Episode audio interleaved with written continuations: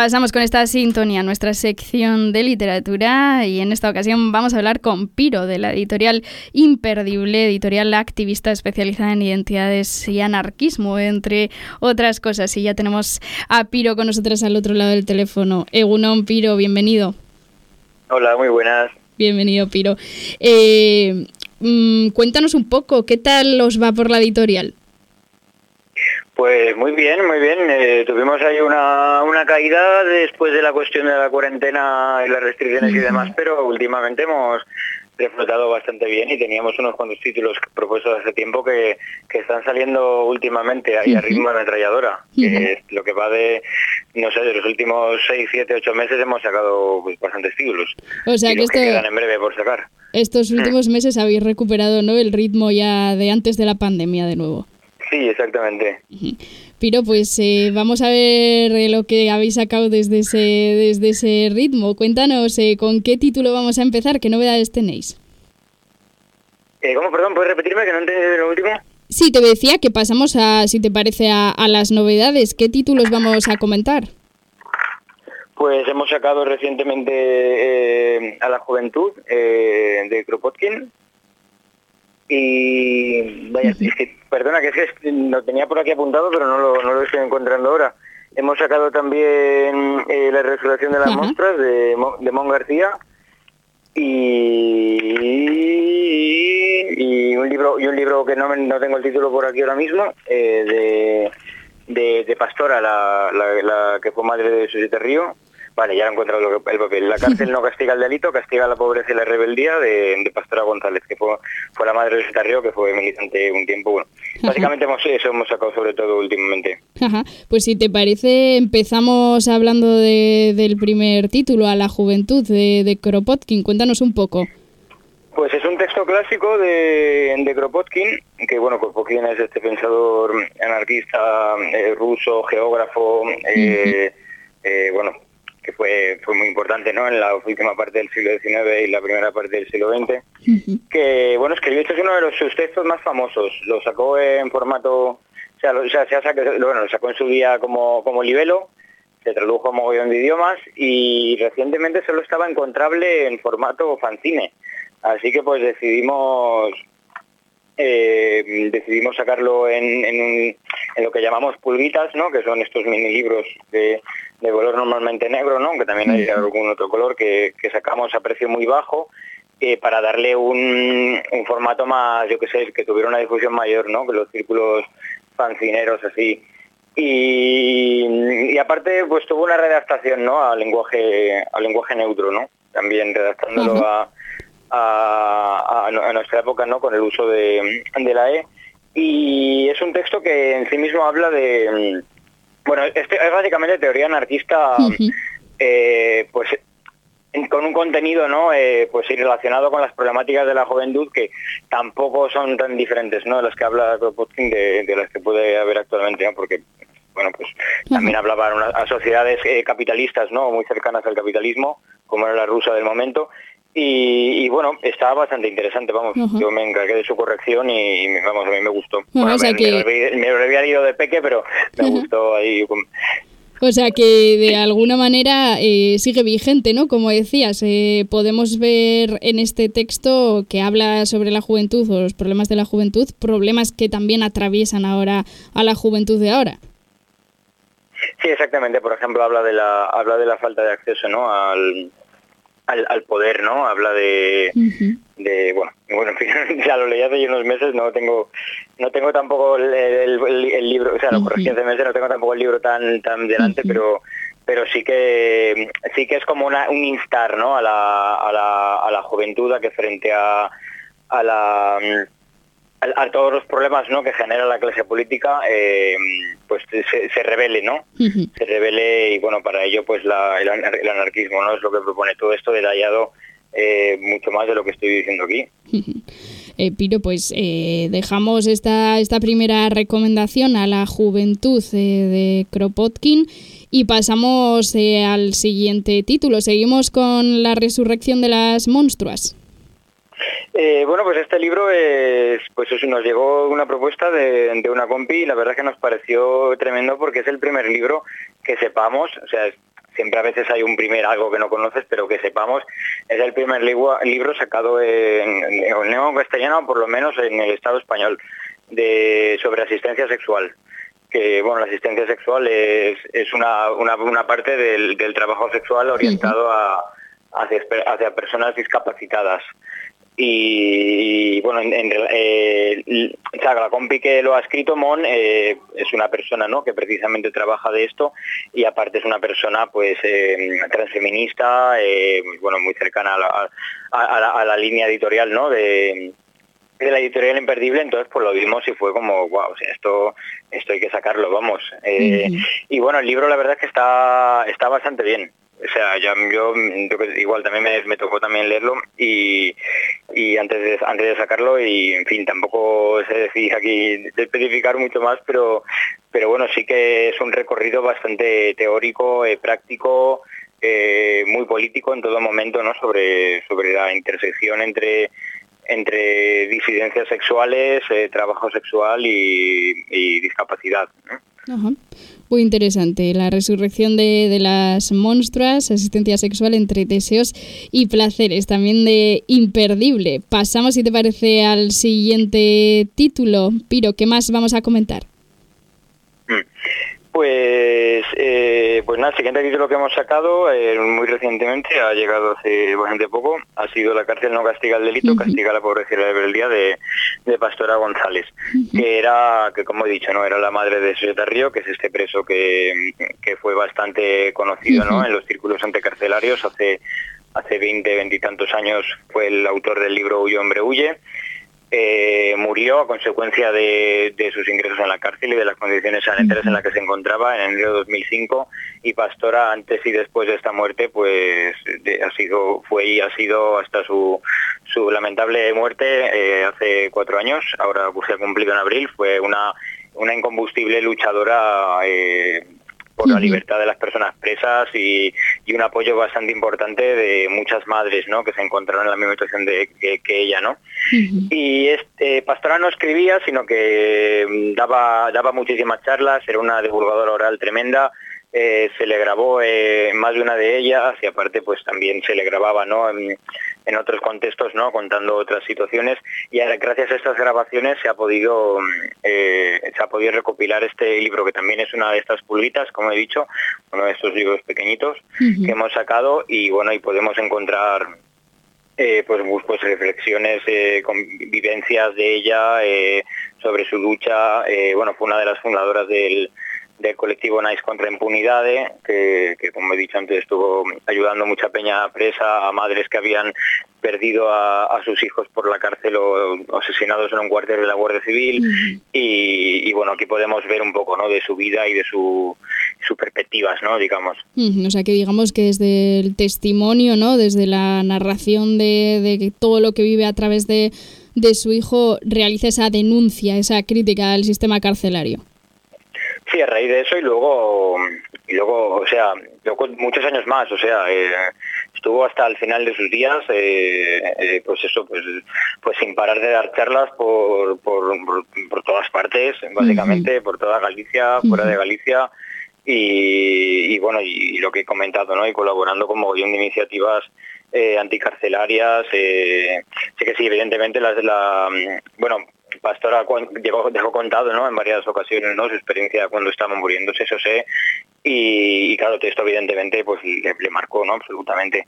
Pero bueno, mm. la verdad es que mm, yo que sé, una madre, la verdad, o sea, quiero decir, ojalá, ojalá toda la gente ¿no? que, que, que, sufre ¿no? el sistema carcelario eh, en sus carnes, ya sea por una persona muy allegada o, o en sus carnes vivas, pues, pues bueno, tuviera esta, esta incombustibilidad, ¿no? Y esta y este, este manejo, ¿no? Que tuvo Pastora, la verdad. Así que, pues, hemos sacado ya como la editorial imperdible en el pasado el libro de Huye Huye y una revisión y también sacamos un libro con otro sesgo desde Río con un prólogo suyo y bueno, también queríamos rendirle este homenaje a a, sacar un libro de ella misma, ¿no? Porque ella misma también fue una figura importante en la lucha anticarcelaria y, y no, no, queríamos recaer, ¿no? En que la figura del preso, ¿no? Masculino sea la conocida y luego todo el entorno de gente que hay alrededor, que normalmente está feminizado, pues se quede en un segundo plano, ¿no? Así que pues pues eso hemos querido rendirle este homenaje. Totalmente, ¿no? Toda esa red de apoyo que rodea eh, la lucha anticarcelaria y la vida a veces de, de los presos. Sí, exactamente. Pues dejamos este otro título, esta recomendación, La cárcel no castiga el delito, castiga la pobreza y la rebeldía de Pastora González Vieites. Y bueno, pues eh, Piro, sabemos que vais a sacar también algunos otros eh, títulos eh, próximamente. Mm.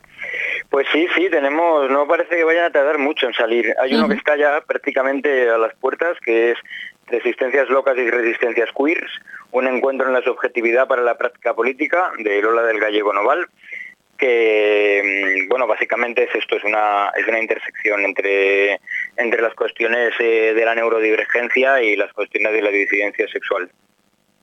O sea que bueno es un tema que está que, bueno, es un, que, se está se está tratando no cada vez más bueno yo por lo menos que pertenezco a estos a estos, a colectivos dirigentes sexuales no pues es un tema que veo cada vez más presente no hemos intentado tejer alianzas por ejemplo con el orgullo loco en, en Valencia y sé que en otros lugares también ha ocurrido. Eh, en fin recientemente se ha creado un grupo de apoyo mutuo eh, eh, trans con una perspectiva, aquí en Valencia también, con una perspectiva eh, neurodivergente, ¿no?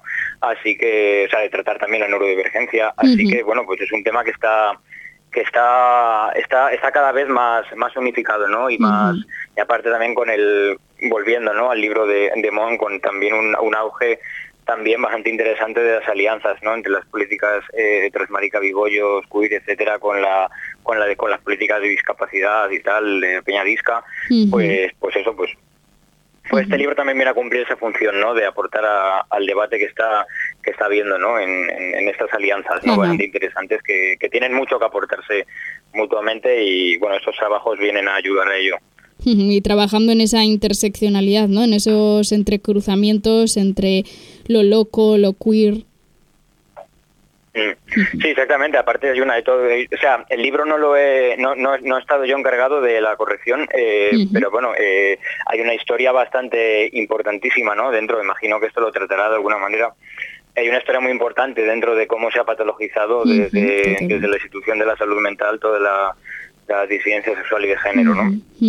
Así que, en fin, que la, la alianza estaba estaba ya hecha, ¿no? Lo que había que hacer era era eh, sortear las vallas, ¿no? Que, nos pone el, capitalismo y, la, el individualismo social, ¿no? Y, y, reencontrarnos, ¿no? Eh, de alguna manera. esa toma de conciencia. Pues dejamos aquí esto, próxima edición. Eh, ¿Cuándo saldrá? Pues está a puntito, ¿eh? no me atrevo a decir a decir día, pero no sé, igual ha salido ya y no me he enterado, porque como tengo un poco de, de que yo que sé, estoy hablando ahora con un móvil de los antiguos, no tengo redes sociales, pues igual no me he enterado. No tengo acceso a internet en casa, pero pero bueno que, está a punto, vamos. Sí, vemos en vuestra web que pone todavía próxima edición, así que bueno, pues como dices, eh, saldrá seguramente pronto este, este nuevo libro de, de Imperdible, Resistencias Locas y Resistencias Queer, un encuentro para la subjetividad para la práctica política de Lola del Gallego Noval. Pasamos a próximas eh, novedades. ¿Qué otras cosas tenéis ahí cociéndose? Pues eh, bueno, se está, se está maquetando ahora mismo, es una propuesta que nos hizo La Rabia, que es una es una es una distribuidora editorial eh, no sé ahora mismo por dónde se mueve pero donde nos hemos conocido ha sido en, en Badajoz y bueno, y en algún, bueno, sí, sobre todo, sobre todo en Badajoz hemos conocido. Nos vino a hacer esta propuesta eh, uno de los compis, que, que es el libro eh, Fascismo, eh, Hijo Amado de la Iglesia y el Capital, de María Lacerda de Moura. Esta, esta persona es una, es una anarcofeminista brasileña de hace 100 años, de la cual no hay nada publicado en castellano. Bueno, este libro al menos no. Eh, en el Estado español, desde luego, no hay nada publicado de ella. Eh, y bueno, pues eso es una figura que por tanto pues se ha, se, ha ido perdiendo en la memoria, ¿no? Yo, yo, sabía, yo sabía de su existencia por, por los debates que tuvo en páginas de, periódicos anarquistas en los años 30, en las que ella defendía las posturas anarcofeministas y, y, debatía con, con, con personalidades importantes, digamos, masculinas de, de la CNT del momento, en unos términos que, desde la perspectiva actual pues serían un poco casposos, ¿no? Lo que le decían a, a, ella.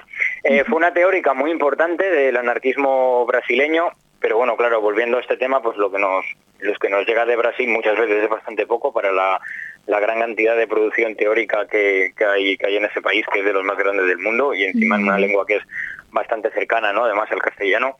Y, y bueno, eh, el libro viene a, o sea, el libro se tiene lugar en el contexto de, de los años, de, creo que es del año 35, si no recuerdo mal, uh -huh. o sea, es pleno auge de, del fascismo. También este, también estaban llegando sucedáneos bastante importantes a América Latina, eh, pero bueno, evidentemente eh, María, María Lacerda eh, pone el foco en, en los fascismos, eh, o sea, para para escribirlo sobre todo pone el foco en los fascismos italiano y, y alemán, ¿no? Uh -huh. Que en ese momento habían ya habían ya conquistado el poder, ¿no? Aparte de otra perspectiva autoritaria que había en otros estados europeos. Uh -huh. Y bueno, el libro, el, el, título del libro habla, por sí solo, ¿no? El, que esto es lo que se ha venido hablando uh -huh. siempre, ¿no? A la hora de, de contextualizar el fascismo y en esta época, pues también esta propuesta nos llega en un momento, ¿no? De, de que experiencias del pasado horrorosas pues pueden pueden mm. volver a repetirse ¿no? en el contexto actual Totalmente. así que el fascismo de hace 100 años 90 años el fascismo actual pues siguen teniendo a la, a la, a la religión cristiana no a unos sectores muy concretos de la religión cristiana relacionados con las élites y al y al empresariado al capitalismo y tal eh, pues como como sostenes muy importantes no de, mm sin los cuales no no podría no podría desarrollarse, ¿no? No podría haberse desarrollado en los años 30 y no podría desarrollarse a los niveles que, que se está desarrollando ahora, ¿no? Así que, pues eso, el, el hecho de que de que se llame, ¿no? El, el, libro Hijo Amado de la Iglesia del Capital, pues dice dice bastante, ¿no? Del, del, de, la, del, de la intencionalidad, ¿no? Que tenía María la Cerda, ¿no? De, de cómo de cómo contextualizar el fascismo, ¿no? Por entonces, de cara a una clase obrera que, al igual que pasa ahora, eh, pues se sentía eh, pues eh, confundida, ¿no? Eh, sometida a mogollón de cuestiones económicas súper chungas y que podía podía derivar, ¿no? A un apoyo de estos grupos que al final eh, no lo decían en el momento como lo dicen ahora, pero siempre tienen a esta gente detrás. Uh -huh. Pues como decías antes, ¿no? También en el caso de, del libro de Kropotkin, en este caso también Fascismo, Hijo Amado de la Iglesia y el Capital, de María Lacerda de Moura, también un libro vigente en la actualidad. No, sí, totalmente. por, de, por, suerte, por desgracia, sí. eh, pues, eh, Piro, pasamos eh, a la última, próxima edición. ¿Qué más eh, tenéis entre manos? Pues tenemos la, la, la, el tercer tomo de, de las obras completas de Bakunin, que es la colección que estamos que estamos intentando llevar llevar para adelante gracias a la ayuda de, de Frank Mills, que es nuestro traductor y una persona muy muy conocedora de la historia anarquista rusa y francesa, eh, que aparte habla castellano, así que está haciendo una corrección eh, de las obras en su día traducidas, eh, escritas, bueno, escritas en varios idiomas, pero en su día traducidas en los años 70 que tenían bastantes errores en algunas cosas. Y bueno, la intención es, pub es publicar eh, pues, pues los seis tomos, ¿no? Que, que hay de, de obras completas y, y quizás si se, si se consiguiera el tomo séptimo que, que, que creo que no, no, está, bueno, creo no está seguro eh, traducido al castellano. En el tercer en el tercer tomo que va a salir en pues en unos meses, imagino, eh, bueno, es la parte de, de la vida de, de los escritos de Bakunin uh -huh. que justo coincide con su ingreso en la en la primera internacional, ¿no?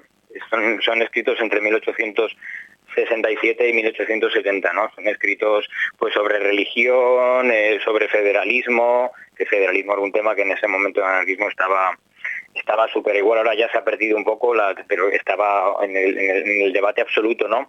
Este texto es en relación a, Rusia, ¿no? Es el contexto de la llegada al trono de, de Alejandro II con las reformas que comienza a impulsar, ¿no? Y esto también genera una situación de, de, de agitación política, ¿no? En ciertos modos en, en, la, en la Rusia zarista de entonces y bueno, Bakunin también hace ciertos aportes al, al respecto eh, así que es un poco un poco de eso habla, habla, este, este, tercer tomo no esa época no uh -huh. en la que en la que poco también está en ese momento es cuando monta la alianza por la democracia socialista no que es el grupo uh -huh. con el que se presenta el internacional bueno es esa época de la vida de la vida de, de Mikhail Bakunin no que es bastante bastante esencial también porque uh -huh.